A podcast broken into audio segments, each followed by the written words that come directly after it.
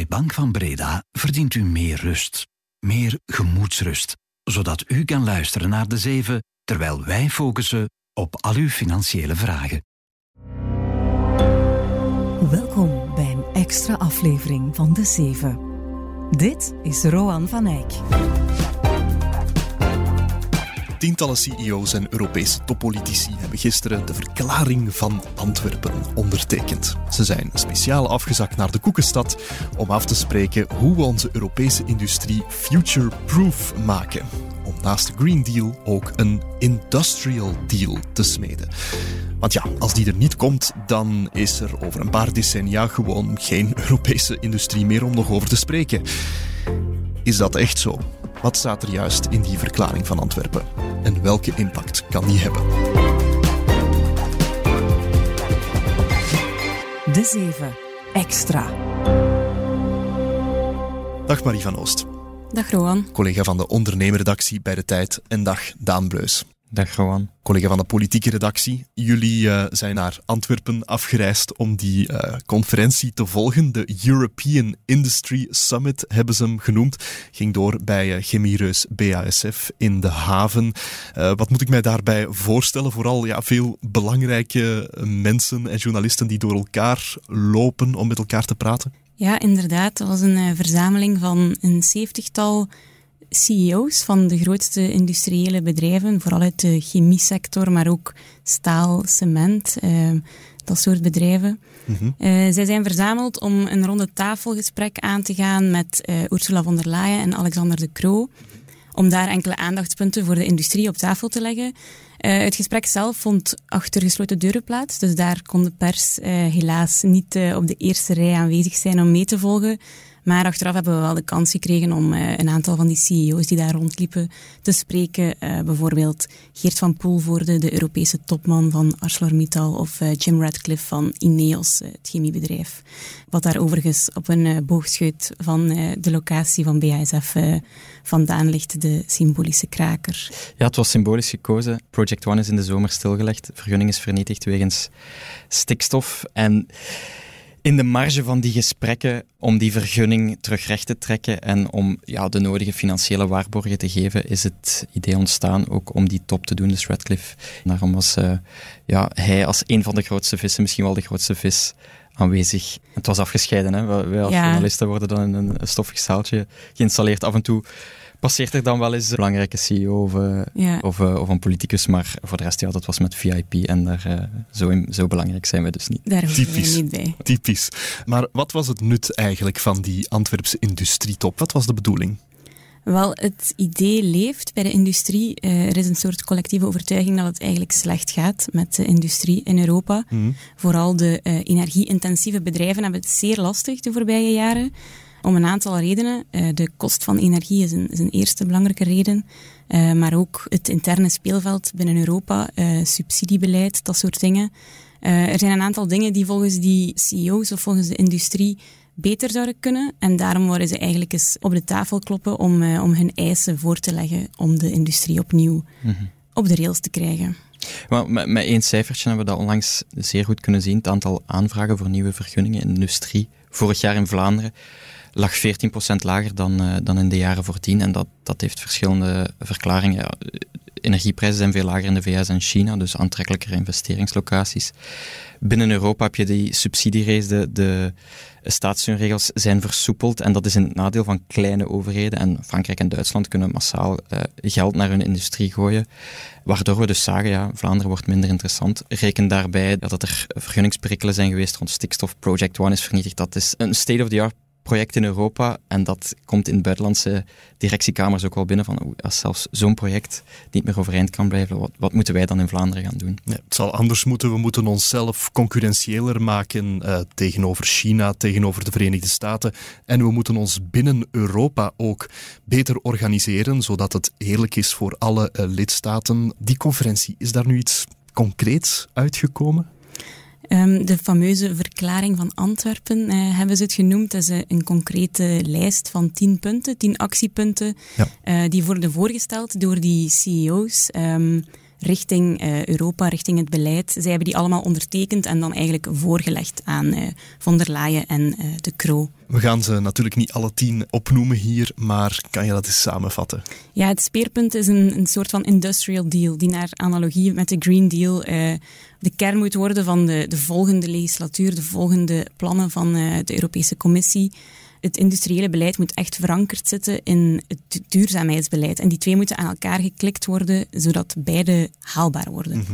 En uiteindelijk komt het erop neer om een, om een stevig overschot aan energie te hebben, zodat de, de prijzen kunnen dalen. En, en je hoort bij Jan Remijssen, de, de, de gastheer van BASF, dat het gewoon een kwestie is van ook nucleair in die mix op te nemen. Wat u betreft ook meer nucleaire energie? Wel, je moet eigenlijk naar uw energiemix naar al de technologieën kijken en daar dan de juiste balans, de juiste evenwicht vinden. En dat is inclusief? Dat is inclusief nucleaire energie. Dat mag je, mag je echt niet op voorhand uitsluiten. En we hebben de voorbije jaren gezien dat, uh, dat overheden ervan afstappen in Duitsland. In België uh, worden er vijf uh, reactoren gesloten. Dus ja, zij pleiten daar eigenlijk voor een nucleaire revival. Dat is een betrouwbare energiebron, is een goedkope energiebron. Terwijl ja, hernieuwbaar moet absoluut deel van uitmaken. Windmolens, zonnepanelen, maar dat is wel minder betrouwbaar en is ook duurder. Anderzijds, hoe ze dat gaan realiseren, die nucleaire revival, daar hebben we ja, nu ook geen beeld op gekregen. Dat is ook vergunningsgewijs, kostengewijs, dat is ook allemaal niet zo evident. Maar dat is wel uh, waar ze toe oproepen. Die verklaring van Antwerpen die is er gekomen. Iedereen heeft getekend. Maar ja, gaat iedereen nu dan ook gewoon content naar huis? Of was het toch ook vooral een beetje een praatbarak? Goh, veel CEO's zijn wel blij dat er, dat er is naar hen geluisterd is. Uh, Radcliffe zei dat het is, het is de eerste keer dat ze onze problemen uh, zo erkennen. You know, there's a clear recognition here that things needed, need to be done to improve the situation in Europe, and that's the first time I've seen I've seen that in Europe. That signal. Yeah. So I, I think today is a really really important day. Yeah. It's a very significant day for industry in Europe because it's. I don't think this is a. And they, a, a, lot of credit goes to Alexander De Croo, yeah. who's put this conference together. Yeah. I think honestly. Ik herinner mij vorig jaar, uh, om opnieuw bij Jan Remijssen van BASF te komen, er was uh, ons evenement, The Future of Europe, met Ursula von der Leyen, waarin hij dat al aankaartte in een, in een vraag. Ja, uiteindelijk heeft het nog een jaar geduurd voordat we naar zo'n zo'n officiële top zijn gegaan en voordat politici ook te kennen geven, ja, we, we, begrijpen dat signaal en we zijn ermee bezig. Het komt helaas uh, op het einde van een legislatuur, dus voor concrete verwezenlijkingen zal het wellicht voor, ja, opnieuw voor Van der Leyen zijn, maar dan, dan na juni.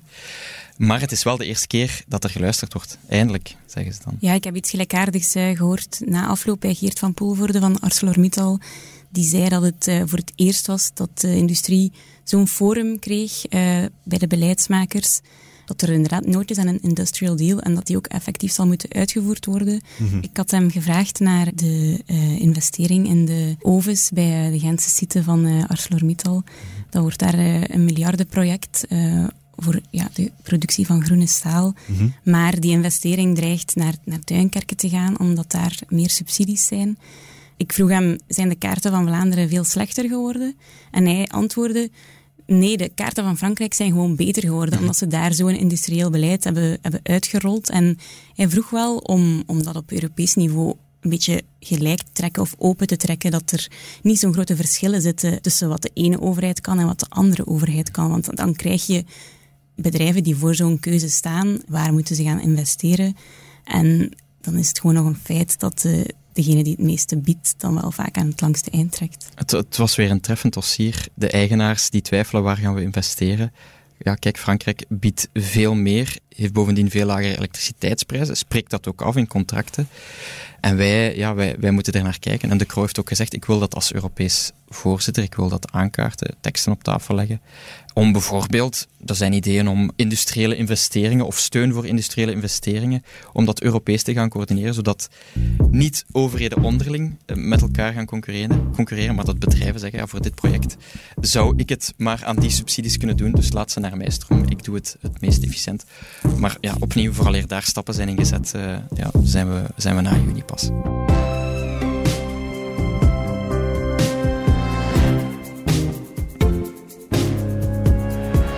een aantal quotes van die grote CEO's gehoord. Remijsen van Poelvoorde, Radcliffe. Als we het dan hebben over de vraag hoe concurrentieel is België, hoe concurrentieel is Vlaanderen, dan wil ik het toch even over die Jim Radcliffe Mhm. hebben. Die kennen we van de fameuze etaankraker van Ineos, die gebouwd wordt in Antwerpen, die maar heel moeilijk een vergunning heeft gekregen. Heeft Radcliffe daar nog iets over gezegd? Ja, hij kwam terug op de beslissing van juni van de rechter. Het is totaal onbegrijpelijk dat voor een ja, verwaarloosbare uitstoot die eh, mogelijk significant is, eh, mijn vergunning gesneuveld is. Dat is ook aangekomen eh, bij andere projecten, zoals ik al zei. Eh, hij noemde dat eh, madness. Wat dan ook opvallend is dat hij zei, ja, we- gaan hiermee door. Project One is terug bezig, we zijn aan het bouwen, we gaan verder. Dit is state-of-the-art fabriek in Europa. Ehm, dit is the way to go. Er is een kans dat die vergunning opnieuw vernietigd wordt, maar de kans is groot dat op dat moment de etaankraker al gebouwd is. Dus dan zal het een kwestie zijn van opnieuw een exploitatievergunning te geven. Dus echte nieuwe problemen eh, worden in politieke kringen en ik vermoed ook in het bedrijf toch niet meer verwacht. Nee, tegen dat het zover is, is het een voldongen feit eigenlijk. Oh ja, het is zeker dat die vergunning zal aangevallen worden.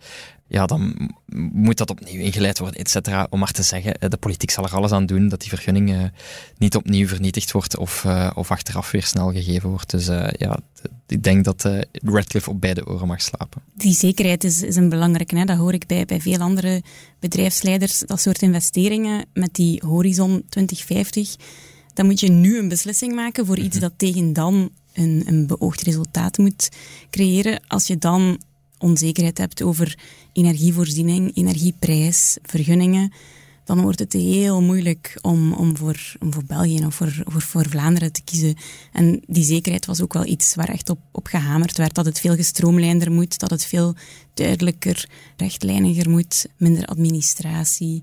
Nog een ander voorbeeld, ook van deze week, is ExxonMobil, de eh, Amerikaanse energiereus. Karen McKee was ook op de industrietop.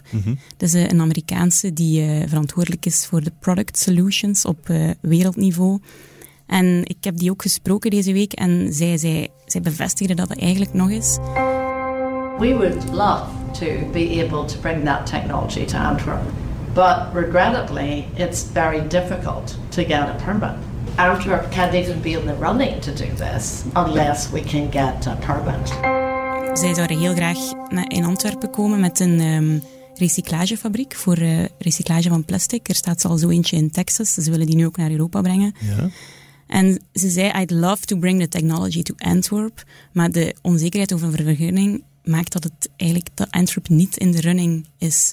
Terwijl er natuurlijk weer andere troefkaarten zijn eh, met de, de chemiecluster die al aanwezig is in, in Antwerpen. Het, het is toch weer sprekend dat ze, zei, dat ze zei, ik wil naar Antwerpen komen. Jullie hebben, jullie hebben logistiek een fantastische ligging in het centrum van Europa, de Noordzee. Eh, jullie hebben goed opgeleid personeel, maar ja, er zijn gewoon heel veel struikelblokken die, eh, ja, die verhinderen dat, dat zulke projecten naar hier zullen komen. Ja, helaas wel.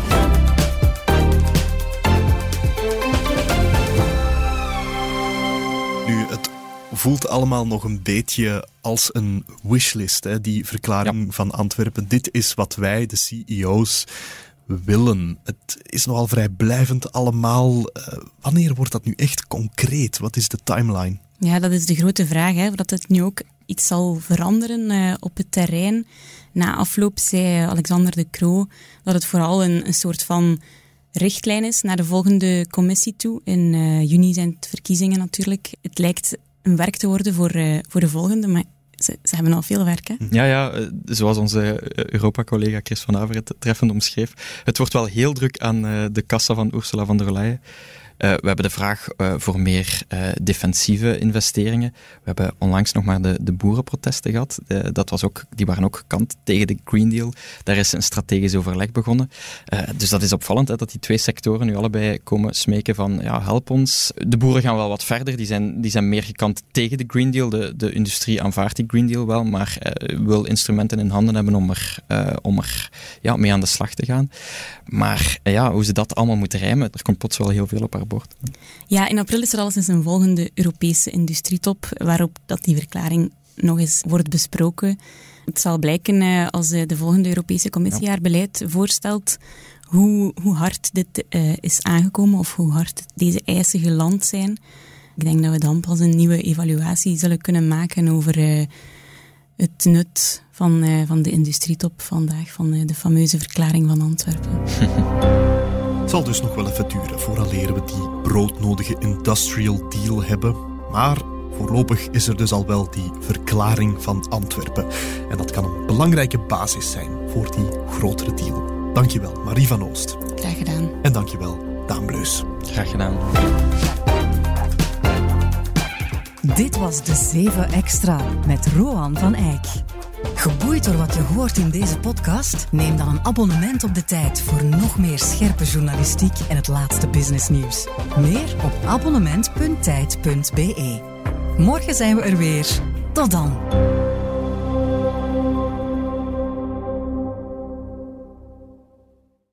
U verdient meer tact.